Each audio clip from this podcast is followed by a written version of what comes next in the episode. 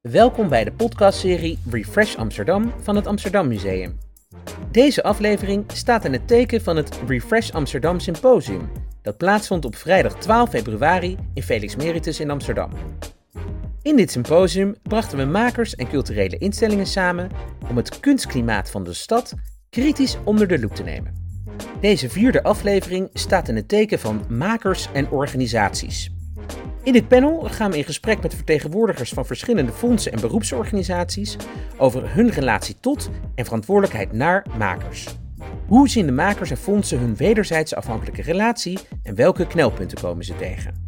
U gaat luisteren naar Laurien Sarabert, directeur Amsterdams Fonds voor de Kunsten, Henriette Post, directeur van Fonds Podiumkunsten en Imara Limon, curator van het Amsterdam Museum.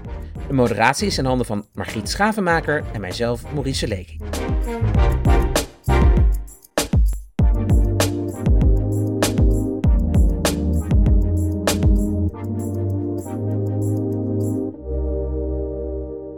Het volgende panel uh, gaat over makers en organisaties. En ja, eh, we hebben natuurlijk in de vorige uh, gesprekken het veel gehad over de, de, organisaties, over instituties, onder andere ook over fondsen. En we zijn heel blij dat er twee directeuren maar liefst van belangrijke kunstfondsen vandaag deelnemen aan dit gesprek. En ook een hele belangrijke nieuwe stem in het Nederlands curatorenlandschap. Dus ja, we willen graag een groot applaus vragen voor Laurien Raber directeur van het Amsterdamse Fonds voor de Kunsten. Voor Henriette Post, directeur van Fonds Podiumkunsten. En uh, curator Imare Limon van het Amsterdam Museum.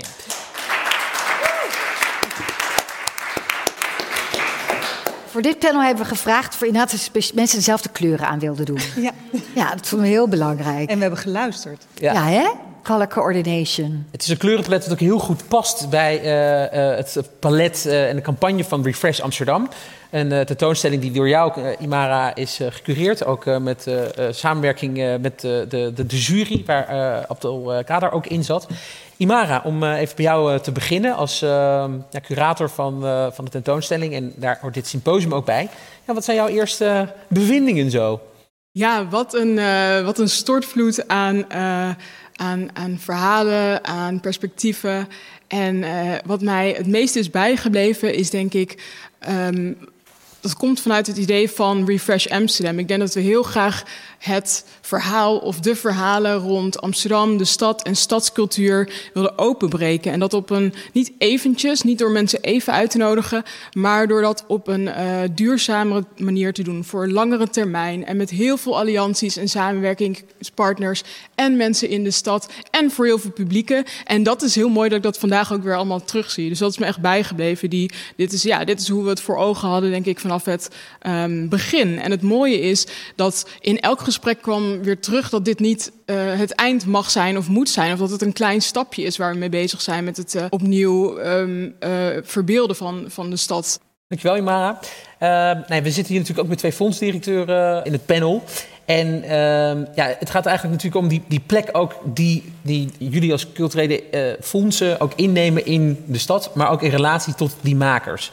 En uh, er zijn al best wel wat aanbevelingen gekomen. Maar uh, ja, Lorien, je bent directeur van het Amsterdam Fonds voor de Kunst. Dit is jouw eerste optreden uh, in die rol. Ja, dat is waar. Ja.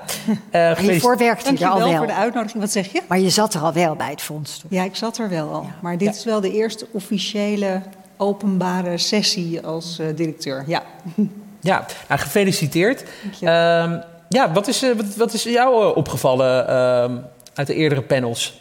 Een heleboel. Ik weet eigenlijk bijna niet waar ik moet beginnen. Ik heb ook heel veel zin om dingen te gaan doen meteen. Mm -hmm. um, dus eigenlijk hoop ik dat Refresh ook uh, voor het AFK iets, uh, iets kan betekenen. Uh, daar wil ik eigenlijk gewoon maar meteen maar mee beginnen. Ik zou het heel leuk vinden om te kijken of we samen ook iets kunnen doen. Um, ik voel het als een soort beweging. Um, ik voel het ook als een um, manier om woorden te geven aan iets wat al heel lang gaande is, smult, om dat zichtbaar te maken. Um, ik voel door het hele gesprek heen ook een vraag van wat voor stad willen we eigenlijk zijn? En wat voor kunst willen we daarin steunen en verder helpen? En nu, maar ook ehm, wat willen we voor zometeen eigenlijk hebben. En dat is een hele complexe vraag en die complexiteit voel ik eigenlijk door alle uh, gesprekken heen. En als fonds is dat natuurlijk iets waar je ook een, uh, een, rol in speelt, omdat je daar keuzes maakt. Het gaat heel erg over welke keuzes maak je. Nou, daar ook de gebouwen die er zijn, de plek waar we nu zitten, uh, de gebouwen waar Clyde uh, directeur van is, en andere presentatieruimtes, podia, zijn allemaal gatekeepers, zou je kunnen zeggen, en spelen een rol in wat gaan we zien. En dat is een heel fijn gevoelig gesprek. Um, dat is denk ik een van de belangrijkste thema's ook om voor mij hier nog wat verder over door te praten. In wat voor stad willen we leven? Nou, we, komen daar uh, natuurlijk zo op, op, terug. We gaan nog heel even naar uh, Henriette uh, als eerste. Ehm, ja, jou, jouw bevindingen, want jij hebt ook nogal deelgenomen in, in het gesprek toen we het hadden over urban arts. Ik kijk er toch iets anders naar, want ik, ik weet niet wie de besluitvorming van 3 augustus gevolgd heeft, afgelopen 3 augustus. Um, die heeft in ieder geval kunnen lezen dat er nogal wat gedeputeerden woedend waren op de uitkomsten van het Fonds Podiumkunsten, omdat het overgrote deel van de meerjarig gesubsidieerde instellingen zich in Amsterdam bevindt. Ja. Dus uh, ik, ik, kan hier niet zitten, dat wil ik ook helemaal niet, als uh, een, uh, iemand die iets vindt over we, in welke stad willen we leven. Want het, Amsterdam, het, het, het Fonds voor de Podiumkunsten is niet van Amsterdam, maar gaat over heel Nederland. Ja. Dus een aantal dingen dat mij is opgevallen hier vanmiddag gaat ook wat je zou kunnen zeggen, wat verder dan alleen Amsterdam. Um, wat ik merk is, en dat merk je ook in het gesprek hier, eh, ook al in dat eerste panel, want dat vergeten we misschien bijna, hè, dat eerste panel wat, wat, wat, ook ging over wat doe je nou met die buurten en ja. wat betekent het voor mensen die in een land wonen, is dat, we, dat ik zie dat in de afgelopen jaren subsidie een steeds belangrijkere uh, plek inneemt in het hele kunst- en cultuurleven. En dat heeft te maken met die verbreding die we allemaal heel belangrijk vinden. En verbreding, dat bedoel ik dan dat je niet meer alleen naar kunst kijkt die door mensen met een kunstvakopleiding is gemaakt, maar door een veel bredere groep mensen. En dat is volgens mij in mijn optiek op dit moment een van de belangrijkste beleidsonderwerpen zou het moeten zijn voor de komende tijd. Ook bij het nadenken over hoe richt je nou vanaf 2025 een nieuw stelsel in. Want op dit moment, ik, ik, ik denk dat ik inmiddels niet meer in uh, uh, geheimtaal spreek als ik zeg, lijkt het dat voor iedereen de heilige graal is de culturele basisinfrastructuur. Dan word je direct door de minister uh, gefinancierd. Maar het is mijn overtuiging dat je in de basisinfrastructuur geen bijvoorbeeld pop, popbeleid kunt maken. Dat moet je op een andere plek en met andere vormen van instrumentarium ontwikkelen. En dat is wat ik hier vooral proef. Dat, jullie hebben het over hybride. Uh, maar, fluïde. En fluïde. Ja. en uh, dat is waar volgens mij het gesprek veel meer over zou moeten gaan. En als ik daar meteen op mag reageren. Um, ik denk dat de zat ook waar Kleit uh, ook op, bijvoorbeeld op refereerde, maar ook in dat, in dat eerste panel. Het spanningsveld tussen aan de ene kant, je wil verduurzame relaties eigenlijk opstarten uh, instellingen de basis geven om te experimenteren. Nou, dan is een basisinfrastructuur fantastisch. En tegelijkertijd wil je genoeg ruimte hebben om inderdaad jonge initiatieven en bewegelijkheid middels projectsubsidies te kunnen financieren, toch? Nou, en, en ook niet alleen het... met projectsubsidies. Hè.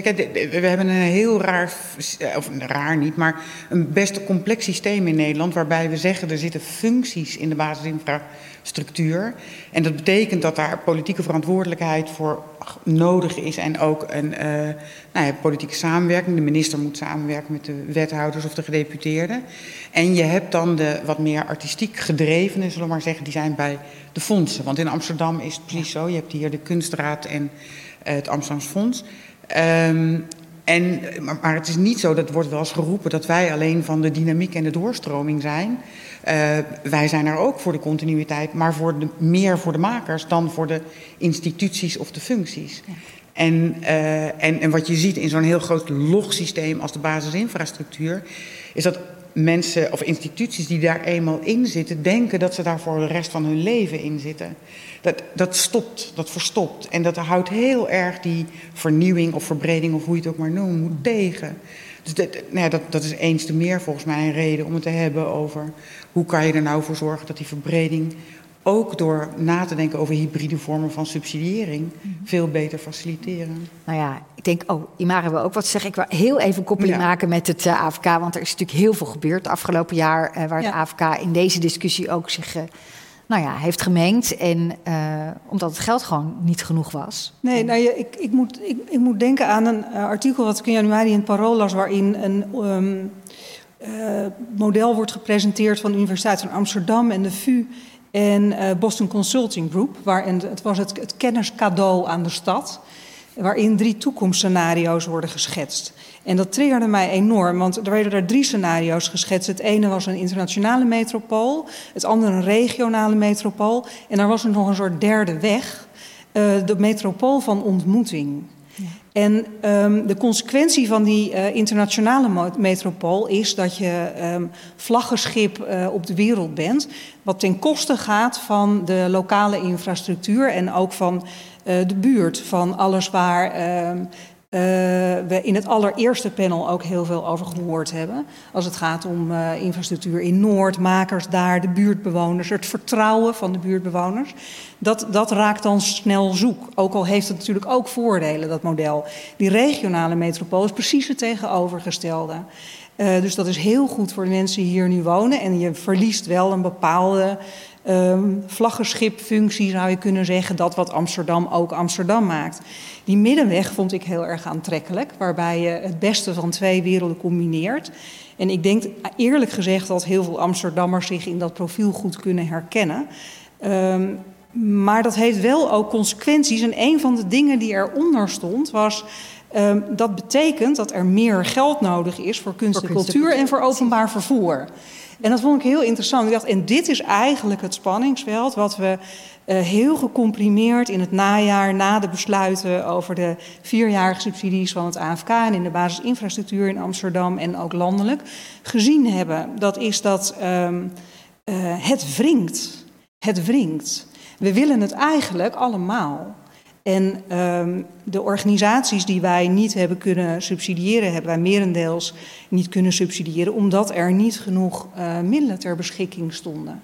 Eh, om dat allemaal te kunnen doen. En dat is ook logisch, want je wil een beetje beweging. Dus eh, bij de vierjarige subsidies van het AFK is nu ongeveer een kwart aan nieuwe instroom, waaronder ook organisaties uit de gelederen waar jullie het over hebben. En ik denk dat dat gezond is. Eh, maar het is van niemand fijn afscheid nemen. Nee, er was Dus het vraagt veel, eigenlijk veel een- boosheid, veel frustratie. Ja, en die snap ik ook. ja. Maar in feite is de kwestie eh, dat er. De stad dijt uit, hij groeit, ehm, er komen steeds meer opdrachten bij. Ehm, ehm, er zijn hele nou, stadsdelen die hele steden op zichzelf eigenlijk zijn, waar het met de culturele infrastructuur niet zo heel goed gesteld is. Dus waarvan het logisch is dat je daarin wil investeren. Daar komen ook aanvragen uit. Er zijn allerlei over hele West nieuwe of over Zuidoost. ja, bijvoorbeeld Nieuw-West eh, is, natuurlijk, is ook enorm. Eh, Zuidoost eh, staat er al een hele tijd, maar knokt nog steeds heel hard. Dat heeft allemaal effect. En ehm, je wil daar ruimte voor maken, maar ehm, op het moment dat eh, eh, middelen niet eh navenant toenemen, waarvan we natuurlijk met z'n allen ook kunnen verwachten dat dat de komende periode niet gaat veranderen, want het hele land zal moeten gaan bezuinigen, overal op, dan betekent het dat je een veel principiëler gesprek moet voeren over waar wil je dat het geld voor bedoeld is en hoe hou je een heel landschap in evenwicht. Want het is een heel landschap. Het gaat niet, het is een soort schijntegenstelling tussen instellingen en makers. Want wie staan daar in die instellingen? Dat zijn die makers. Wie staan er op het podium? Wie spelen daar? Wie presenteren zich daar? Het zijn makers. Dus we zijn het met z'n allen. En uh, heel veel van de, de, de plekken die nu uh, langdurig gefinancierd zijn, meerjarig, zijn vaak begonnen uh, op kleine schaal. Niemand is van geboorte af een stichting. Dus het is allemaal gegroeid. Uh, uh, en we kijken dus nu ook hier in de zaal en jullie in je dagelijkse praktijk naar de makers, die misschien wel de instellingen van over tien jaar zijn. En, en dat gesprek is natuurlijk complex om te voeren, maar wel ook heel erg belangrijk en ook heel mooi. Imara, jij wilde ook nog uh, reageren? Ja, ik wilde ook die, die kant op van het. Uh, we hebben natuurlijk vanaf het eerste panel al gehad, ook over Ehm, het vertrouwen in, van, in burgers, in makers en in mensen die, ehm, ja, die op dit moment niet vertegenwoordigd zijn in die instituties. hoe krijg je nou hun belangen ook naar voren? En nou, ik zit hier natuurlijk als conservator van Refresh Amsterdam, maar daarnaast ehm, werk ik ook bij verschillende fondsen als adviseur. Ik zit in de Raad van Toezicht bij het Centraal Museum en ben bestuurslid bij Kunst 92, dus de landelijke belangenorganisatie voor culturele veld. En daar hebben we nu net ook weer, is er net een persbericht over gekomen, dat we kijken naar die horizon van, we hebben het vaak over 2025 met de verjaardag van de stad, maar we kijken zelfs al naar 2030, want we denken echt dat dat hele cultuurbestel ook weer op de schop moet. Want nu kun je het vaak hebben over instituties, over directies, um, over de situatie nu en daar veel inderdaad moet veel verbetering plaatsvinden. Maar je moet natuurlijk nog veel verder naar voren kijken. En um, in het klein, in Refresh, zie ik dat ook erg in hoe we um, wisten dat je niet zelf een tentoonstelling kunt neerzetten als je echt wil uh, dat je ook weer mensen die je nog niet kent kunt vertegenwoordigen. Dus vandaar die open call, vandaar ook een selectiecommissie met um, vertegenwoordigers van al die instituten waarmee samenwerken, met ook Abdelkader als schrijver en ook um, uh, de ruimte geven aan makers, zoals uh, Bas Koster net al heel mooi zei, dat hij echt de ruimte heeft gekregen om ook iets te maken en iets verder te ontwikkelen, de kant die je zelf op wil. Dus niet iets wat het instituut meer gaat brengen, alleen maar, maar juist ook uh, echt de ruimte om zo'n stap te kunnen maken. En dat niet dan een beeldend kunstobject hoeft te zijn, maar ook een lezing, een performance, kunnen daar verschillende ruimtes ook weer van gebruiken. Dus zo zie ik dat ook echt als een klein um, model waarin je ook uh, nieuwe structuren kunt proberen. Dus niet op dezelfde manier te werken als we altijd werken, maar juist ook weer te testen hoe kun je dat op verschillende manieren gaan doen.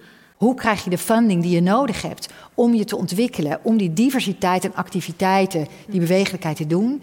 Ja, dat lukt moeilijker bij uh, musea die inderdaad uh, uh, ja, preciezer gaan definiëren wat beeldende kunst bijvoorbeeld is of niet. En ook bij de fondsen die uh, monodisciplinair zijn, is het vaak best moeilijk om dat soort praktijken goed uh, um, gehonoreerd te krijgen. Maar ik, ik, begrijp het ook in de zin van een open call. Als je alleen maar een open call doet. Ik ja. denk dat daar ook een hele structuur achter zit van wat we hebben gedaan. Precies. Een open call is vaak ook een tekstje op de website of iets wat je rondmailt naar je eigen publiek. Maar ik denk een open call zoals wij hem hebben ingezet is echt een vorm van het actief verspreiden in de netwerken die we nog niet genoeg bereiken. Is ook het opschrijven van niet weer iets maken wat je al doet, maar juist ook uh, iets verder denken dan dat dus ik snap wel het concept open call. Dat lijkt alsof dat gewoon een open call is. En ik denk ook dat, we hebben het vandaag ook gehad over de inflatie van het begrip participatie. Wat betekent dat nou echt? Het is helemaal uitgehold tot je mag ook een keer meedoen. Maar als je weer teruggaat naar wat kan het betekenen, denk ik dat het veel meer dan dat kan zijn. Dus het is ook weer dat, ja, dat het, alles wat nu inclusie heet, dat is het vaak ook helemaal niet. Dus daarom moeten we ook echt verder kijken dan die huidige machtsstructuren en echt wat verder naar zo'n toekomst. Hoe zou je dat nou echt willen gaan doen? Uh, we hoorden uh, de makers uh, zeggen, nou ja, zo'n zo zo label als urban arts bijvoorbeeld, dat is misschien een beetje, daar zitten gewoon dubbele betekenissen aan. Kunnen jullie daar nu nog concreet wat mee, met bijvoorbeeld het, het ontlabelen van jullie regelingen bijvoorbeeld? Um, nou ja, en, en bovendien denk ik dat we dat ook al doen. Wij werken al sinds 2017 in met een, wat wij noemen een ontschotte regeling. Waarbij we dus geen onderscheid meer maken tussen muziek, muziektheater, dans um, en wat hebben we nog meer? Theater. Um, dat is één. En uh, als het gaat uh, over bijvoorbeeld dat urban art. Uh, nou ja, wat ik net interim, waar ik over interrumpeerde ook, is dat, dat wij merken ook dat het niet alleen maar ons probleem is, maar in zekere zin ook van de sector. Ik kan je een voorbeeld geven om dat te illustreren. Wij hebben uh, naar aanleiding van COVID speciale regelingen ontworpen voor podia en festivals. Maar er is één categorie die daar buiten valt op dit moment. En dat is het circuit uh, van wat ik dan toch nog maar even noem het uh, Urban Stage platform. Dat, dat, is een, dat is echt een apart circuit en dat werd door die regeling niet gefaciliteerd, omdat het een heel ander andere dynamiek en een ander verdienmodel heeft dan de gewone podia zoals we die al heel lang kennen. En we hebben een hele discussie intern gehad over dat, of we dat nou wel urban arts uh, stage moesten noemen. Want die term, dat, was, die stond echt ter discussie. Maar als we dat niet hadden gedaan, zouden de mensen die zo'n platform uh, bestieren zichzelf daar niet in herkend hebben. Dus wat ik, wat, ik eigenlijk, wat ik er eigenlijk mee zeggen wil, dat ik vind dat namelijk wel een positieve ontwikkeling zelf. Die is ook niet van het laatste jaar, maar die is echt al een paar jaar gaande. Um, uh, de sector kan het vaak niet meer alleen, maar de fondsen kunnen het ook niet meer alleen. We zullen echt ook, ieder met, met respect voor zijn eigen rol, want we, we hebben een aparte rol. Maar we zullen echt op een aantal fronten samen op moeten trekken om uh, ook de het juiste instrumentarium en het juiste stelsel te kunnen bouwen. Larry, nog even nachtcultuur. Uh, in Amsterdam heel groot thema. Uh, zou het denkbaar zijn dat jullie in de komende jaren, juist vanuit het AFK, die nachtcultuur gaan faciliteren met speciaal nachtcultuur ingerichte regelingen? Ja, ik zou het fantastisch vinden. Ja, ik zou het fantastisch vinden. Daar speelt natuurlijk nu wel ook weer een middelenvraag, want ik zou niet weten hoe we dat met ons inmiddels dus sterk gekrompen projectenbudget ook nog zouden moeten gaan doen. Maar ik, uh, ik zie ongelooflijk veel kansen in de kunst en cultuur. En uh, van overdag kruipt natuurlijk ook steeds dichter naar de kunst en cultuur van de nacht toe. Dus uh, het lijkt me prachtig, ja. Waar zit bij jou nu de drive de komende periode om, om iets te, aan welke knoppen ga je draaien? Er zijn natuurlijk, ik ben heel erg benieuwd naar de, de, de, artistieke ontwikkelingen die er de komende tijd ook gaan plaatsvinden. En ontwikkelingen die er plaatsvinden in de verhouding tussen kunstenaar, kunst en het publiek. Uh, daar verandert op dit moment van alles in. En het, uh, de post-corona-werkelijkheid is nog heel ver weg, volgens mij. We gaan ook een hele tijd nog te maken hebben met een soort gecombineerde werkelijkheid. En ik denk dat er, en ik zie ook dat er op dit moment allerlei nieuwe vormen van kunst en cultuur en nieuwe vormen van publiek benaderen worden uitgevonden. Die gaan blijven, volgens mij. En ik denk dus dat de behoefte aan ondersteuning daarmee ook gaan veranderen. Uh, ook de behoefte aan kennis verandert heel erg. Dus die, uh, de, de, digitale kennis wordt veel belangrijker, maar ook soms hele praktische dingen als hoe maak ik nou eigenlijk een mooie opname van iets, hoe stream ik. Uh, ook, uh, ik zag vorige week een aantal uh, voorstellingen van de Flamenco Biennale te kijken. Ik ben een flamenco-liefhebber, dus ik vind dat festival altijd heerlijk. En dat ging nu weer niet door. Dus zij hadden een heel mooi concept bedacht waarbij ze streamden vanuit, vanuit Spanje, waar er hier nou nog wel wat publiek bij kon zijn. Maar ook eigenlijk films maakten die niet meer een normale voorstelling in een setting van een theater waren, maar gewoon opname op het landgoed van een van de danseressen, uh, waar allerlei mensen bij werden gehaald en ze ook op haar akkers eigenlijk aan het filmen waren. En dat werd een heel nieuw soort uh, kunstproduct, zou je kunnen zeggen. En ik ben ontzettend benieuwd naar die ontwikkeling. En ik zou het ook heel interessant vinden om daar wat meer doorkijkjes naar te kunnen geven. En blijf ook heel graag in gesprek met alle makers over wat daarvoor nodig is en waar ze welke kansen op willen. Hm. Over vervolg gesproken, Imara, het thema van Refresh Amsterdam is nu Sense of Place. Mm -hmm. nou, we hebben het ook de hele dag daar in allerlei dimensies over gehad. Letterlijk en figuurlijk, uh, die plek in de stad in relatie tot kunst en makers. Wat wordt het volgende thema eigenlijk van Refresh? Heb je al een idee? Ja, dat is een heel uh, goede vraag. Um, ik denk dat we uh, juist ook kijken naar wat er op het moment speelt en dan echt een thema te pakken. Want als, net als wat we die lange termijnvisie is natuurlijk heel belangrijk. We weten dat er iets gaat komen, maar we moeten ook echt kijken naar waar de stad over twee jaar staat. Als je nu kijkt twee jaar terug, wat een wereld leven we in? Um, dus we weten het nog niet. Daarnaast wil ik nog twee andere dingen zeggen. go, go. Ten, ten, eerste over die, over die fluiditeit nog. Um, uh, dat, het ook, dat we het ook echt moeten zien voor wat, het, voor wat het is. Het is niet toevallig dat makers hybride werken en dat ze niet binnen de gebaande paden of uh, disciplines zitten. Het gaat hem echt over dat de mensen waarvan we dat zien, gaat het echt over een, uh, een urgentie die zij volgen, een thema, een missie die ze hebben om te volgen. En dat ze dat binnen verschillende vakgebieden ook kunnen uiten. Dus ik denk dat juist ook daarom is het daar zo goed om daar naar te kijken en om dat ook ja, te kunnen stimuleren. dan wil je zelf natuurlijk als, als fonds, als overheid ook niet in de weg zitten om dat dan juist te beperken omdat het niet in de kaders past. En dat heeft ook natuurlijk te maken met het niet willen of kunnen werken binnen de uh, kunsthistorische uh, of cultuurhistorische uh, tradities die je nog steeds oververtegenwoordigd ziet in instituten en fondsregelingen. Toch nog wel, ook al is er veel verandering, maar we moeten ook wel blijven zien waar die verbeterpunten uh, dan zitten. Dus nog even een pleidooi voor waarom die fluiditeit zo belangrijk is. Uh, en iets anders wat ik wilde zeggen, dat is dat ja, inderdaad makers en organisaties zijn ook soms bijna hetzelfde en zijn ook echt overlappend. Uh, maar tegelijk is er ook weer een groot verschil, want organisaties die zijn vaak een stuk stabieler dan makers en hun eigen positie. En makers die hebben nog steeds zo'n precair bestaan. En dat hele ontwikkelen van makers is zo afhankelijk van, kan ik een plek vinden om mijn werk te tonen? Is een instituut dat met mij wil werken? maar laten we ook goed kijken naar hoe je makers of het artistieke beroep of vak zelf stabieler en duurzamer kunt ondersteunen. Ik denk dat dat een van de grootste vragen is uh, voor een overheid en voor fondsen om dat serieus te nemen. Ja. we kijken trouwens veel naar de toekomst, maar het is soms ook goed om even terug te kijken. En Henriette, uh, nou ja, ik zou graag met jou even willen terugkijken, want jij bent eh, best lang gewoon directeur geweest van Fonds Podiumkunsten. En jullie hebben ook gewoon heel veel, bedoel, moet heel veel verbeterd worden, maar jullie hebben ook heel veel gerealiseerd. Waar ben je nou eigenlijk, als het gaat om makers, het, het meest trots op?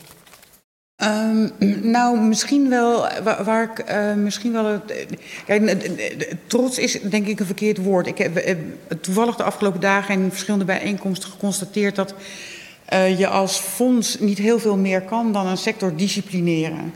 Uh, en en dat, dat, er zijn weinig dingen waar je echt op kunt sturen. Je kunt geen gedragsverandering in een hele sector bewerkstelligen. Je kunt, je kunt hooguit een aantal dingen een beetje een duwtje geven in een bepaalde richting. Maar wat ik, wat ik uh, ik weet niet of de meesten zich dat kunnen herinneren, maar in 2010 kondigde Zijlstra bezuinigingen aan, uh, forse bezuinigingen. En de reactie daarop vanuit het publiek was stilte, oorverdovende stilte. Uh, de enige die zich echt uh, lieten horen op dat moment was de sector zelf. Die had een schreeuw uh, op, de, op het Leidseplein en een mars der beschaving in Den Haag. Um, wat, wat, dat, wat, wat, zo pijnlijk daaraan was, was dat, dat het draagvlak voor kunstsubsidiering in de samenleving ontzettend blijkbaar was afgenomen of verdampt in de tijd daarvoor.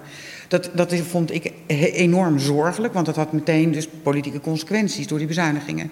Wat ik, wat ik nu zie, en dat, ik vind dat dus dat het in absurd korte tijd gerealiseerd is, zou je kunnen zeggen, is dat er in toenemende mate sprake is van een makers en een sector die beginnen vanuit hun eigen positie in die samenleving en die op wat voor manier dan ook becommentariëren op hun eigen manier. Dat doet dus niet, uh, niemand gaat op de knieën uh, daarvoor, dat is ook absoluut niet nodig.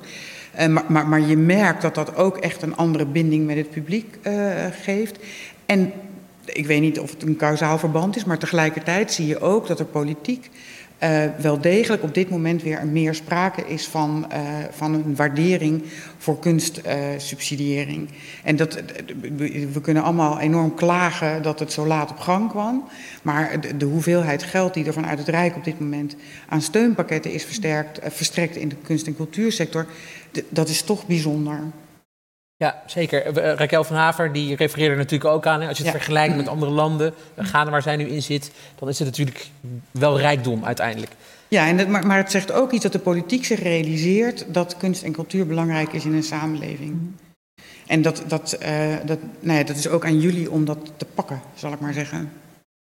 Maar gaat dat dan ook omdat we, we zitten hier met makers die enorm zoeken naar relevantie en hun hele leven eigenlijk wijden aan gewoon fantastische producties die inderdaad relevant zijn, impact hebben.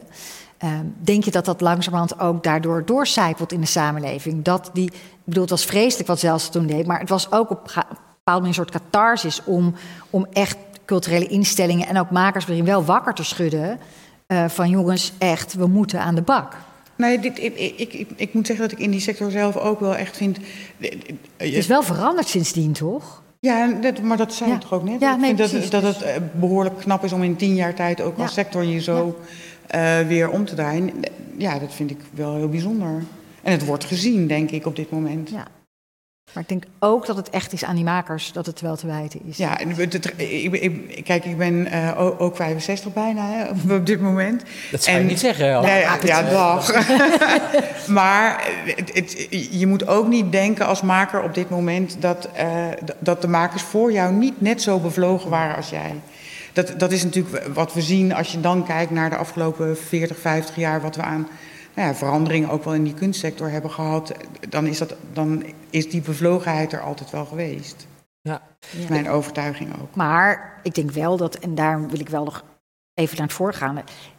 Uh, weet je, op een gegeven moment zijn er wel stappen gemaakt om net iets anders te programmeren. En er wordt niet meer de zoveelste, um, ja, sorry, uh, witte schilder, zeg maar, nog een keer een oh, nee, solo dat, gegeven. Ja, ja. Uh, weet je wel, wat hij deed, was zo goed. En er is al zoveel werk in de collectie. En we moeten een lange band met die persoon opbouwen. Dat is echt wel veranderd. Er is wel, er wordt meer plaats gemaakt. Maar dat is ondanks al de Zijlstraat, niet dankzij. Ik denk dat dat ook meer met de samenleving zelf te maken heeft, met wat, er, wat daar gebeurt. Want uiteindelijk was Rick van der Ploeg in, in 1998 al degene die zei: dit kan zo niet langer. Uh, al die witte hoofden met grijze haren in uh, de schouwburgen en concertzalen. En die toen al uh, ook in subsidieregelingen verplicht stelde dat, daar, dat dat een criterium werd. Alleen wat je nou tot ik vind dat het nog niet helemaal weg is, maar het is altijd als een enorm uh, politiek correct thema behandeld. Je zette er iets over in je aanvraag. En vervolgens nou, is het toch echt zo dat er bijna nooit meer naar gevraagd werd. Wat heb je nou gerealiseerd en hoe is het nou veranderd? Daarvan heb ik wel het idee uh, dat dat verandert op dit moment. Maar we zijn er nog lang niet. Want als je niet. Ik, ik denk echt dat, dat nee, jullie met name je kans nu moeten pakken. Want anders dan. Ben ik, hou ik ook wel een beetje mijn hart vast. Ja, precies. Nou ja, en dat is denk ik wel wat we met zo'n lange lijn als Refresh wel hopen uit te zetten.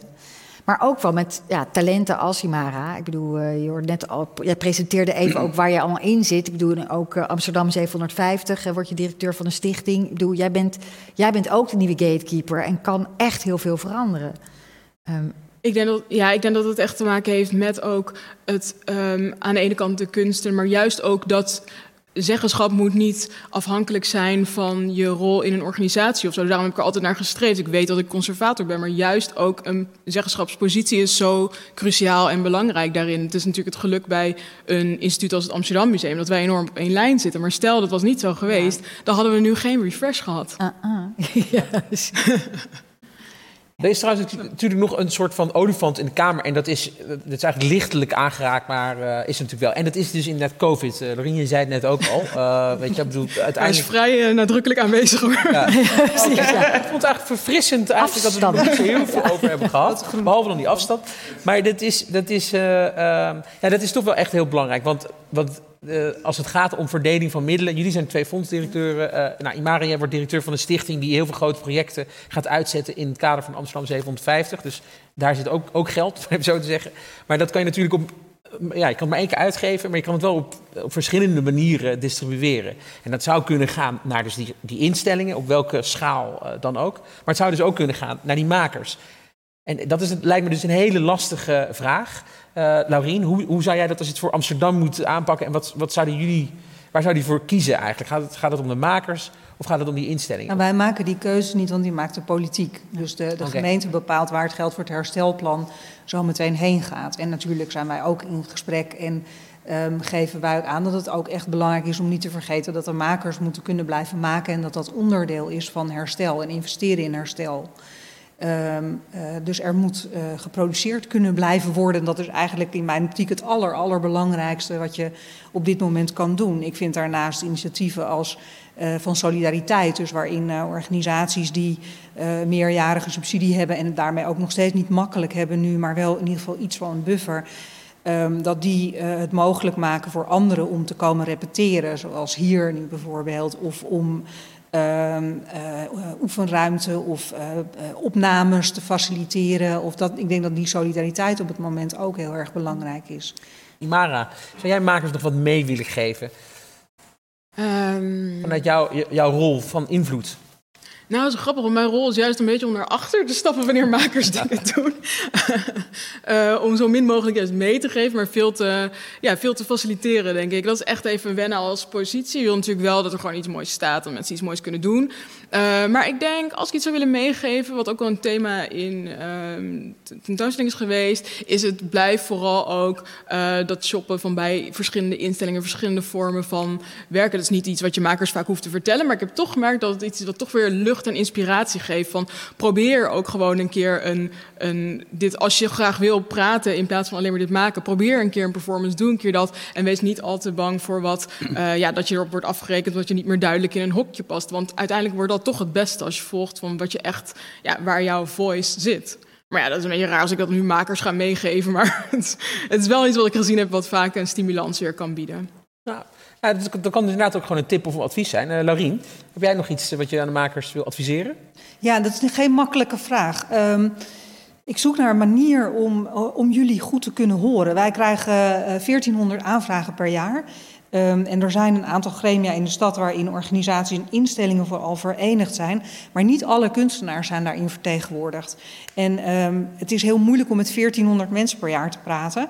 Dus ik zoek een manier om juist ook de groepen waarvan ze het gevoel hebben dat ze te weinig gehoord worden, om die wel te kunnen horen.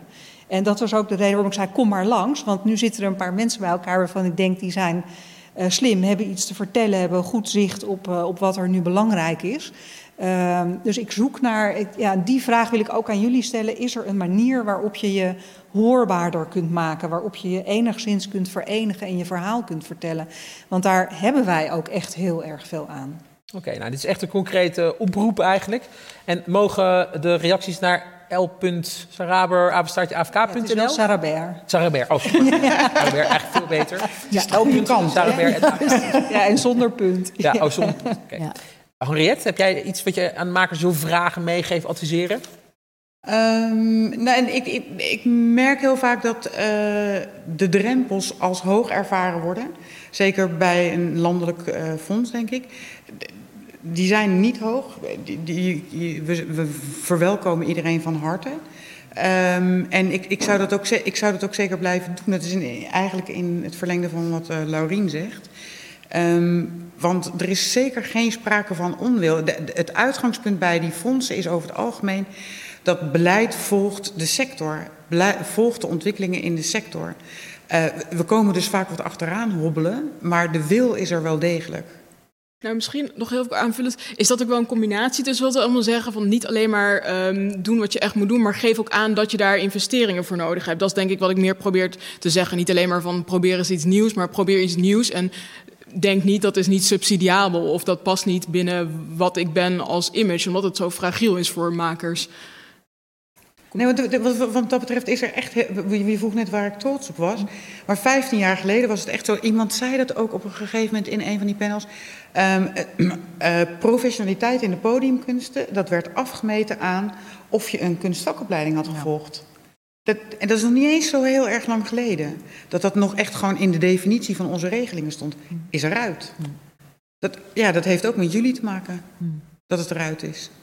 Ik wil jullie ongelooflijk bedanken voor jullie komst, dat jullie er bij waren. En uh, Imara ook uh, dank voor je prachtige tentoonstelling en ook dit programma weer echt hulde. Ik, uh, ik zie uit nog naar een, een, lange samenwerking de komende jaren. en dat dit nou ja, toch mag groeien tot een enorme mooie traditie. Misschien wel samen met het AFK, met nieuwe podiumproducties, you never know. Dank jullie wel.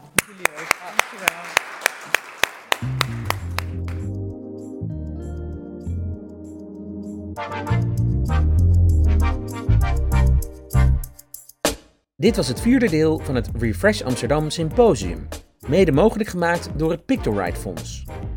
Wil je deze uitzending of het hele symposium terugkijken? Dan kan dat op onze website www.amsterdammuseum.nl of via het YouTube-kanaal van het Amsterdam Museum. Als u wilt reageren op deze podcast, dan kan dat door te mailen naar podcastapenstaartjeamsterdammuseum.nl. En we vinden het heel leuk als je een review kunt achterlaten op iTunes. Dank aan alle gasten, Felix Meritus en aan u voor het luisteren. Tot de volgende keer.